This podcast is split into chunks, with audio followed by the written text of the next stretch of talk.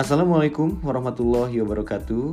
Selamat pagi, selamat siang, selamat sore, dan selamat malam bagi rekan-rekan sekalian yang saat ini sedang mendengarkan podcast ini.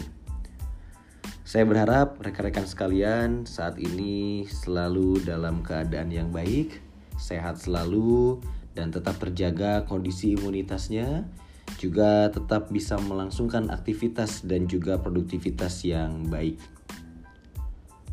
Pada kesempatan ini, saya akan menyampaikan satu topik terkait dengan community relations.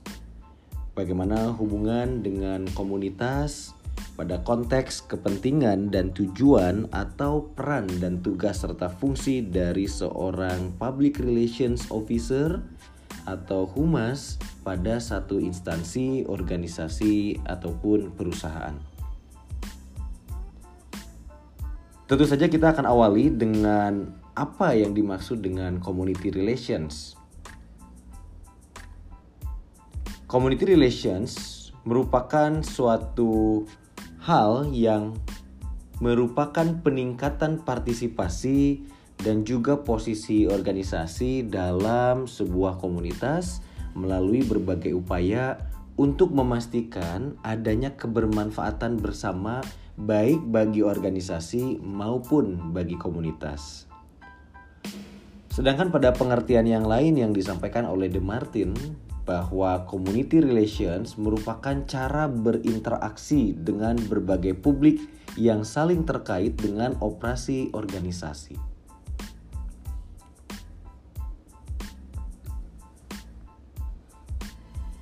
Dalam konteks PR, makna komunitas itu tidak bersifat tunggal.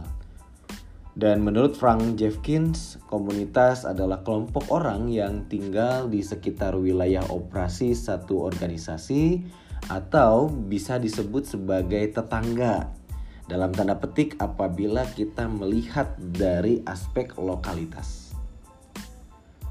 Dengan perkembangan yang ada saat ini, komunitas pun juga dapat diartikan bukan sekedar sekumpulan orang-orang yang tinggal pada lokasi yang sama, tapi juga semestinya menunjukkan terjadinya interaksi di antara kumpulan orang-orang tersebut.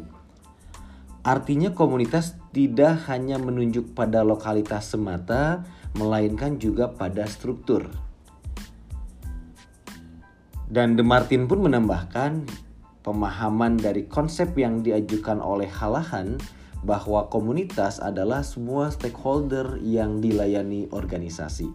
Sehingga tentu saja pada lingkup ini jauh lebih luas dari sekedar hanya kumpulan orang-orang yang berada di sekitar organisasi atau institusi melakukan operasional kegiatannya.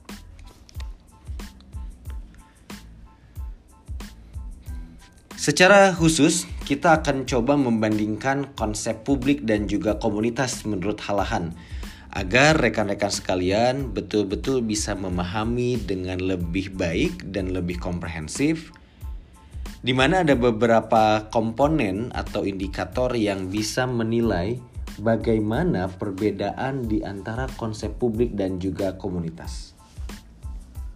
Kita akan awali dengan komponen fokus kelompok atau indikator fokus kelompok.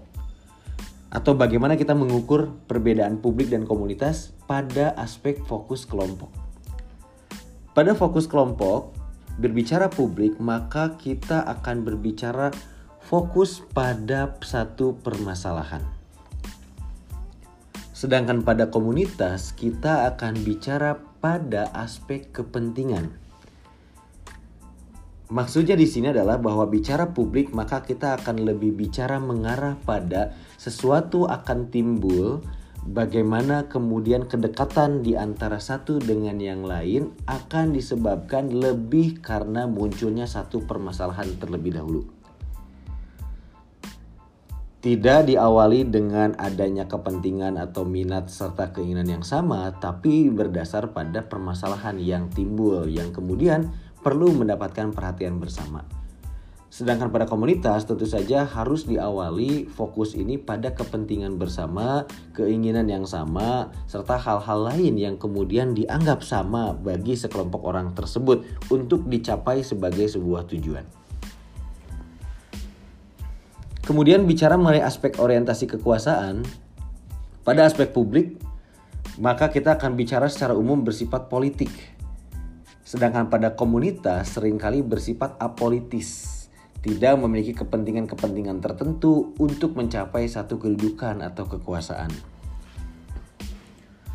Kemudian pada aspek tujuan, bicara publik kita sedang bicara pada upaya perubahan. Sedangkan pada komunitas adalah upaya untuk memelihara sesuatu yang saat ini telah dijaga, telah dilakukan dan juga dianggap telah mampu mengakomodir berbagai kebutuhan dan kepentingan dari orang-orang yang ada di dalam komunitas tersebut. Kemudian pada aspek sejarah, bicara publik di sini bisa dikatakan bahwa publik karena terorganisasi, waktunya juga terbatas, sering kali hanya sesaat lantaran terbatasnya fokus atau tujuan kelompok. Sehingga secara historis mereka tidak memiliki ikatan emosional yang begitu kuat dan juga sering kali e, bisa timbul tenggelam tergantung pada permasalahan ataupun perubahan yang dikehendaki. Sedangkan di komunitas sering kali panjang dan terus berkembang lantaran disirikan dengan baik. Ikatan emosionalnya jauh lebih tinggi, keterhubungan satu dengan yang lain juga sangat kuat, dan tentu saja komunitas e, di sini lebih diyakinkan memiliki waktu yang tidak terbatas untuk satu sama lain saling berkomunikasi dan berkoordinasi. Kemudian pada aspek keterkaitan dalam kelompok, apabila bicara publik maka kita akan bicara soal tujuan bersama di mana isinya lebih banyak pada diskusi tentang masalah. Lalu juga kegiatan para aktivis.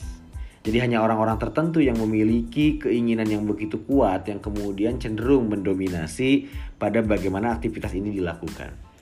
Sedangkan pada komunitas lebih bicara pada aspek kultur atau budaya yang berisi keyakinan nilai, ritual, tradisi, artefak, bahasa, kemudian kegiatan berwacana, partisipasi, dan juga adanya identitas bersama yang diyakini.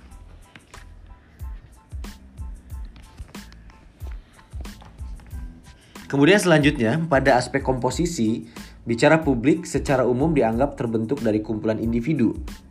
Namun pada komunitas bisa bersifat individual, bisa organisasi, bisa juga sebuah institusi. Lalu pada aspek dipandang organisasi, apabila bicara publik, maka sulit ditentukan posisinya sampai kelompok tersebut menunjukkan ingin dikenal. Sementara pada komunitas, dipandang sebagai sebuah organisasi lebih mudah ditentukan posisinya dengan familiar dengan kepentingan. Tentu saja akan lebih mudah mengidentifikasi mana komunitas dibandingkan publik yang begitu heterogen dengan begitu banyak kepentingan yang berbeda-beda di antara satu dengan yang lain. Sedangkan pada aspek keterlibatan organisasi, bicara publik maka kita akan bicara pada sisi di mana publik sering kali lebih reaktif. Kebanyakan diberi mandat atau diprovokasi oleh suatu kelompok Sedangkan komunitas secara ideal bersifat proaktif. Mereka kemudian menginisiasi banyak hal, banyak kegiatan, banyak program, dan cenderung sebetulnya mereka tidak dimandatkan oleh siapa pun atau terprovokasi oleh kelompok mana pun. Karena mereka sudah memiliki visi dan juga misi serta tujuan yang sangat jelas sejak awal mereka kemudian menciptakan komunitas tersebut. Kemudian pada aspek komunikasi organisasi, pada aspek publik, maka kontinum respon mulai dari akomodasi hingga advokasi dan juga ada negosiasi di dalamnya. Sedangkan pada komunitas lebih mengarah pada satu integrasi, ada keterlibatan, pemeliharaan serta pengorganisasian. Urun rembuk, kemudian akomodasi kepentingan, kemudian juga bagaimana kemufakatan, bagaimana melibatkan semua pihak atau semua orang yang ada dalam komunitas akan jauh lebih terlihat terintegrasi atau lebih menyatu. Dan terakhir pada relasi konsep, pada sisi publik, kebanyakan publik berasal justru dari komunitas. Namun demikian pada komunitas, publik dengan tujuan yang terbatas yang kemudian sering kali bertambah besar sehingga menjadi komunitas, namun fokus kelompok pun meluas bukan hanya pada isu tunggal.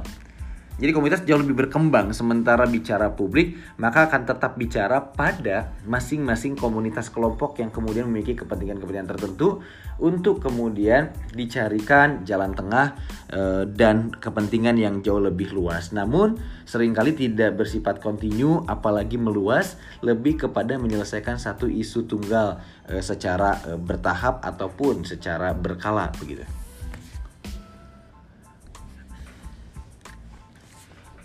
Kemudian Stuart E. Perry memandang ada dua makna komunitas yaitu pertama komunitas sebagai kategori yang mengacu pada orang yang saling berhubungan berdasarkan nilai-nilai dan kepentingan bersama yang khusus. Sedangkan kedua secara khusus menunjuk pada satu kategori manusia yang berhubungan satu sama lain karena didasarkan pada lokalitas tertentu yang sama yang karena kesamaan itulah secara tidak langsung membuat mereka mengacu pada kepentingan dan nilai-nilai yang sama. Kemudian paling tidak menurut Carol N. Ogden menunjukkan lima hal yang membedakan antara komunitas dengan kelompok manusia yaitu adanya pembatasan dan eksklusivitas. Kemudian adanya tujuan, adanya aturan, adanya komitmen dan adanya kemandirian. Untuk kepentingan sebagai seorang PR, kita bisa memandang komunitas berdasarkan lokalitas sebagai kelompok orang yang berdiam pada lokal yang sama, tetapi juga komunitas dapat juga dipandang sebagai interaksi dalam struktur sosial yang berdiam pada lokasi yang berbeda atau mungkin berjauhan namun dipersatukan oleh kepentingan dan nilai-nilai yang sama. Kemudian, komunitas secara lebih rinci dapat dipandang berdasarkan karakteristik relasi di dalam komunitas, yakni yang pertama, komunitas sebagai pengelompokan lokal yang didasarkan pada kedekatan dan relasi tatap muka. Lalu yang kedua, komunitas sebagai kelompok kepentingan seperti dalam komunitas penelitian, komunitas bisnis, atau karakteristik tertentu lainnya. Lalu yang ketiga juga ada kualitas relasi di dalamnya dalam bentuk keterikatan moral dan emosional seperti mengacu pada identitas diri maupun kelompok, nilai-nilai dan tujuan bersama, pengambilan keputusan secara partisipatif dan juga produksi simbol-simbol tertentu yang diyakini akan melekat pada dirinya sebagai representasi dari komunitas atau kelompoknya.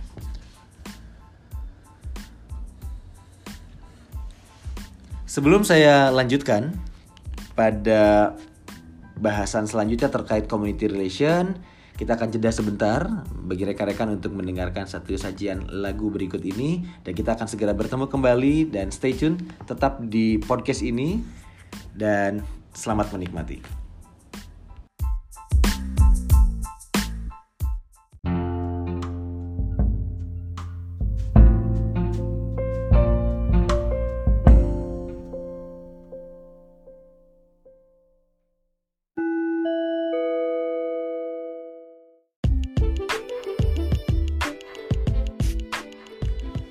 Baik, kita akan lanjutkan bahasan tentang community relations dan kita akan mulai membahas pada sesuatu hal yang lebih spesifik terkait dengan hubungan organisasi dengan komunitas.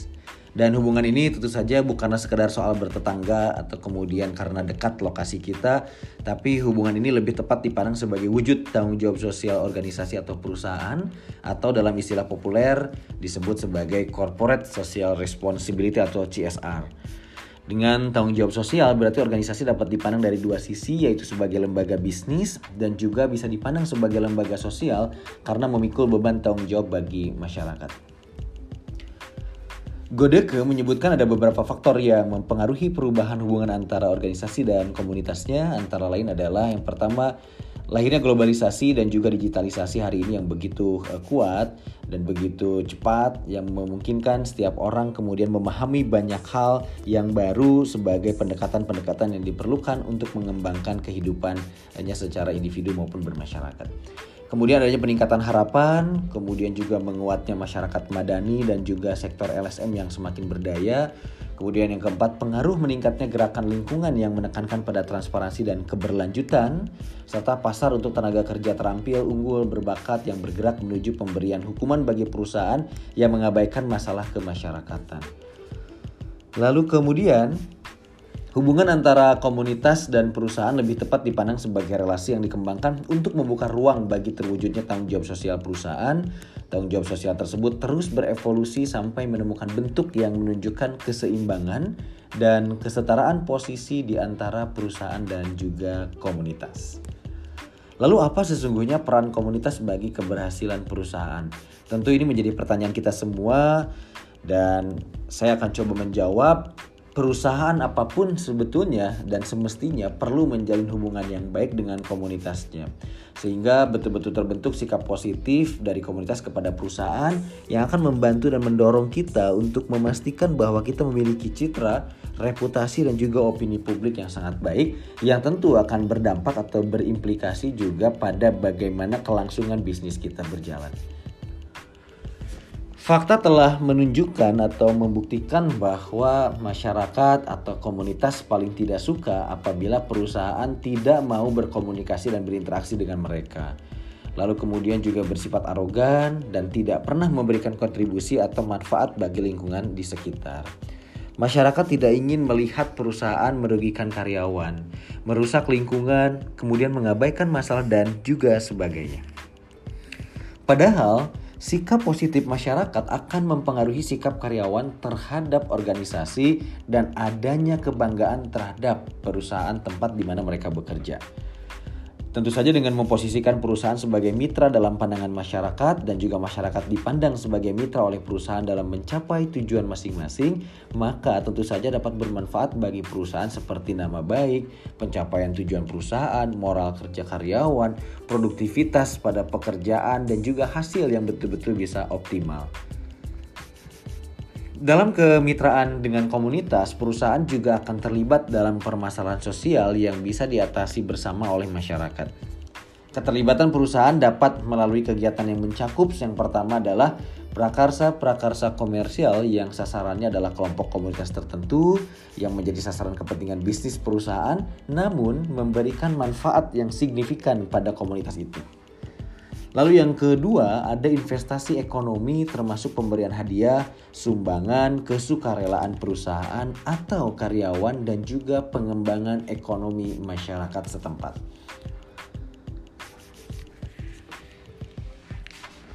Berkaitan dengan fungsi community relation organisasi, maka sesungguhnya terdapat beberapa tantangan atau tekanan baik secara internal maupun eksternal menurut Wedok dan Boyle yaitu tekanan lingkungan internal datang dari teknologi, restrukturisasi, desentralisasi, keterbatasan sumber daya, dan juga tekanan lain yang datang dari karyawan dan juga komunitasnya. Sedangkan tekanan lingkungan dari eksternal datang biasanya dari globalisasi, digitalisasi, aliansi, kompetisi, dan juga regulasi dari pemerintah. Hal-hal ini yang harus dipahami agar kemudian bagaimana ke depan rekan-rekan sekalian apabila kemudian bekerja sebagai seorang PR dapat memperhatikan berbagai ancaman atau tantangan serta hambatan-hambatan dan tekanan-tekanan seperti ini.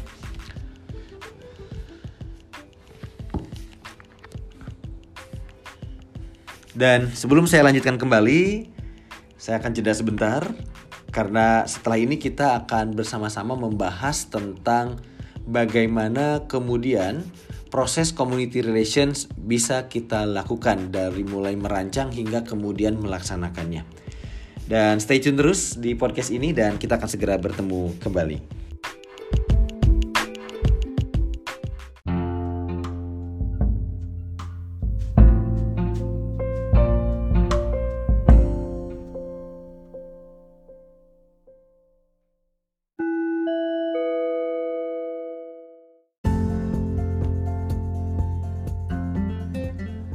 Baik, kita akan lanjutkan dengan pembahasan tentang proses community relation seperti yang tadi telah saya sebutkan sebelum tadi kita jeda. Baik, pada proses ini menjadi sangat penting untuk dipahami bagaimana kemudian seorang PR akan melaksanakan satu program community relations karena pada dasarnya ini merupakan satu langkah-langkah gitu ya dan ini merupakan satu tahapan-tahapan yang harus kemudian disiapkan atau dirancang atau kemudian dilaksanakan. Dan fokus kegiatan community relation adalah permasalahan yang dihadapi oleh komunitas, justru bukan pada permasalahan yang dihadapi oleh organisasi. Namun, tentu saja dampak dari penyelesaian masalah yang dihadapi komunitas itu pun juga akan dirasakan oleh organisasi. Proses kegiatan community relations bisa dipandang berdasarkan dua pendekatan. Pertama dalam konsep PR yang lama yang memposisikan organisasi sebagai pemberi donasi, maka program community relation hanyalah bagian dari aksi dan komunikasi dalam proses PR. Sedangkan kedua, pendekatan dengan memposisikan komunitas sebagai mitra dan konsep komunitasnya bukan sekedar kumpulan orang yang berdiam di suatu wilayah operasi organisasi, di sini organisasi sebaiknya menampilkan sisi dirinya sebagai satu lembaga sosial yang bersama-sama dan komunitas berusaha memecahkan permasalahan yang dihadapi oleh komunitas. Baik organisasi dan komunitas bersama-sama mengarahkan sumber daya yang dimilikinya untuk memecahkan masalah dan juga untuk mencapai tujuan bersama. Dengan pendekatan yang kedua, maka tahapan dalam proses kegiatan community relations dapat melalui tahapan-tahapan sebagai berikut. Yang pertama adalah pengumpulan fakta, di mana pengumpulan fakta ini merupakan satu proses identifikasi permasalahan sosial yang ada dan ditemukan dari berbagai sumber seperti media massa, data statistik, obrolan dari warga masyarakat, keluhan langsung dari warga masyarakat, maupun hasil penelitian dan laporan dari lembaga sosial masyarakat, baik itu LSM maupun NGO. Kemudian yang kedua adalah perumusan masalah Masalah adalah adanya kesenjangan antara apa yang diharapkan dengan apa yang kemudian dialami. Yang di mana untuk menyelesaikannya diperlukan kemampuan menggunakan pikiran dan keterampilan secara tepat. Dalam merumuskan masalah ini, kita mulai harus memfokuskan pada komunitas organisasi, apakah komunitasnya berdasarkan lokasi atau dipandang sebagai struktur interaksi. Maka komunitas lepas dari pertimbangan kewilayahan tetapi lebih pada pertimbangan kesamaan kepentingan. Jadi tidak harus bicara pada aspek kepentingan lokal tapi juga bisa pada kepentingan yang lebih luas yaitu pada kesamaan kepentingan walaupun kemudian pertimbangan kewilayahan kemudian kita kesampingkan. Namun tentu saja eh, ada baiknya kita akan lebih eh, dahulukan atau prioritaskan aspek kewilayahan atau lokalitas. Lalu kemudian langkah yang ketiga atau tahap yang ketiga adalah perencanaan dan pemrograman. Perencanaan adalah suatu perkiraan yang didasarkan pada fakta dan informasi tentang sesuatu yang akan terwujud atau terjadi nanti. Untuk bisa mewujudkan apa yang diperkirakan, maka dibuatlah suatu program, dan program merupakan cara-cara untuk mencapai tujuan tersebut. Setiap program biasanya diisi dengan berbagai kegiatan dan kegiatan sebagai bagian dari program merupakan langkah-langkah yang ditempuh untuk mewujudkan program guna mencapai tujuan yang sudah ditetapkan. Dan tahap keempat yaitu aksi dan komunikasi di mana pada aspek ini menjadi watak yang membedakan kegiatan community relation dalam konteks PR dan bukan PR. Watak atau karakteristik PR-nya ditampilkan lewat kegiatan komunikasi, di mana dalam community relation selalu ada aspek bagaimana menyusun pesan yang ingin disampaikan kepada komunitas, serta melalui media apa dan dengan cara bagaimana. Sedangkan aksi sebagai implementasi program yang sudah direncanakan pada dasarnya sama saja dengan implementasi program apa pun. Yang penting bagaimana kemudian kita memiliki alat ukur untuk menjadi semacam acuan agar bisa melihat apakah program yang kita jalankan telah betul-betul sesuai dengan apa yang kita rancang. Dan terakhir, evaluasi merupakan keharusan dalam konteks community relations dan perlu diingat bahwa evaluasi tidak hanya dilakukan terhadap penyelenggaraan program atau kegiatannya saja, melainkan juga dievaluasi bagaimana sikap komunitas terhadap organisasi setelahnya. Dan evaluasi sikap publik ini diperlukan karena pada dasarnya community relation ini meski merupakan tanggung jawab sosial organisasi, tetaplah merupakan kegiatan PR yang juga harus diukur tingkat keberhasilannya.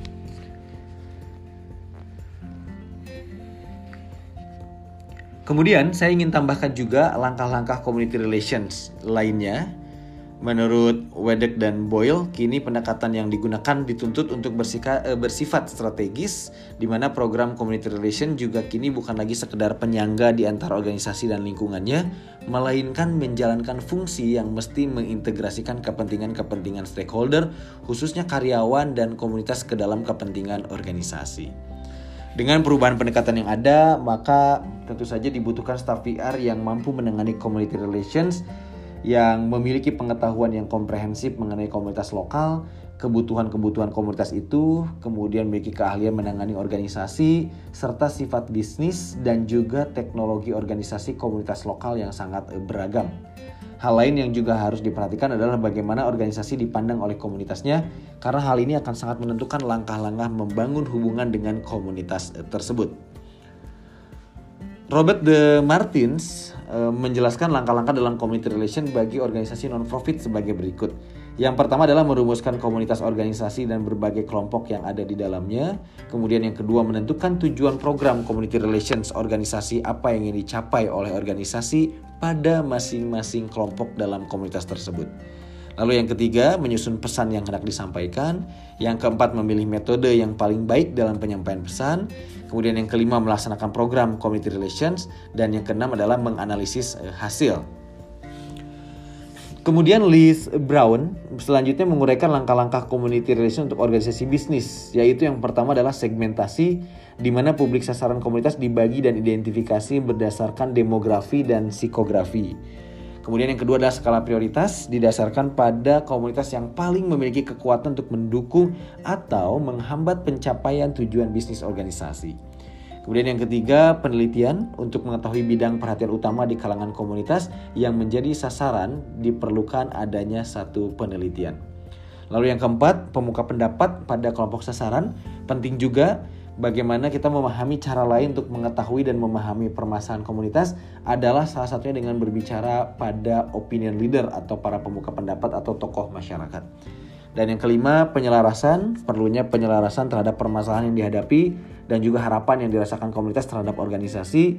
Begitu juga sebaliknya tujuan organisasi dengan permasalahan eh, komunitas.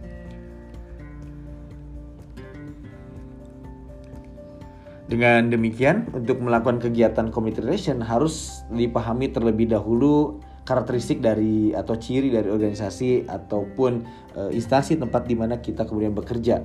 Apakah organisasi kita non profit? Apakah organisasi kita bisnis yang berorientasi pada pencarian keuntungan?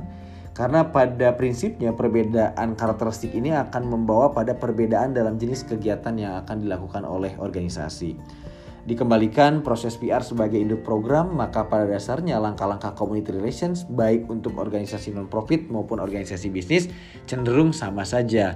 Langkah-langkah yang berbeda pada kedua jenis organisasi pada dasarnya lebih disebabkan perbedaan karakteristik organisasinya saja. Baik, itu yang sementara dapat saya sampaikan pada kesempatan kali ini terkait dengan community relations bahwa intinya apabila program community relation organisasi dijalankan sebagai satu kebijakan organisasi maka program tersebut akan memiliki landasan yang kokoh untuk dijalankan karena kebijakan tersebut merupakan penjabaran dari strategi umum yang dijalankan oleh satu organisasi untuk mencapai tujuannya. Kalaupun ada perubahan, tapi bukan hal yang mendasar, melainkan lebih merupakan penyesuaian. Kecuali tentu saja terjadi tekanan eksternal ataupun internal yang selanjutnya memaksa organisasi untuk merubah kebijakan strategi organisasinya yang di mana otomatis juga akan merubah kebijakan organisasi termasuk di dalamnya program community relations. Demikian yang dapat uh, saya sampaikan bagi rekan-rekan sekalian. Semoga ini bermanfaat dan juga bisa memperkaya pemahaman dan juga wawasan terkait dengan community relations. Dan sampai bertemu kembali dan berjumpa kembali pada podcast selanjutnya. Terima kasih banyak atas perhatian dan kebersamaan dari rekan-rekan sekalian. Saya akhiri Wabillahi taufik wa hidayah. Wassalamualaikum warahmatullahi wabarakatuh. Selamat pagi, siang, sore, dan malam bagi rekan-rekan sekalian. Dan jaga selalu semangat dan kesehatannya agar kita tetap bisa beraktivitas dan produktif uh, selalu. Sampai berjumpa kembali di podcast uh, Willy Bahtiar. Dan selalu simak informasi-informasi lainnya yang lebih menarik. Dan silahkan ditunggu untuk penyajian podcast uh, yang lainnya. Sampai jumpa.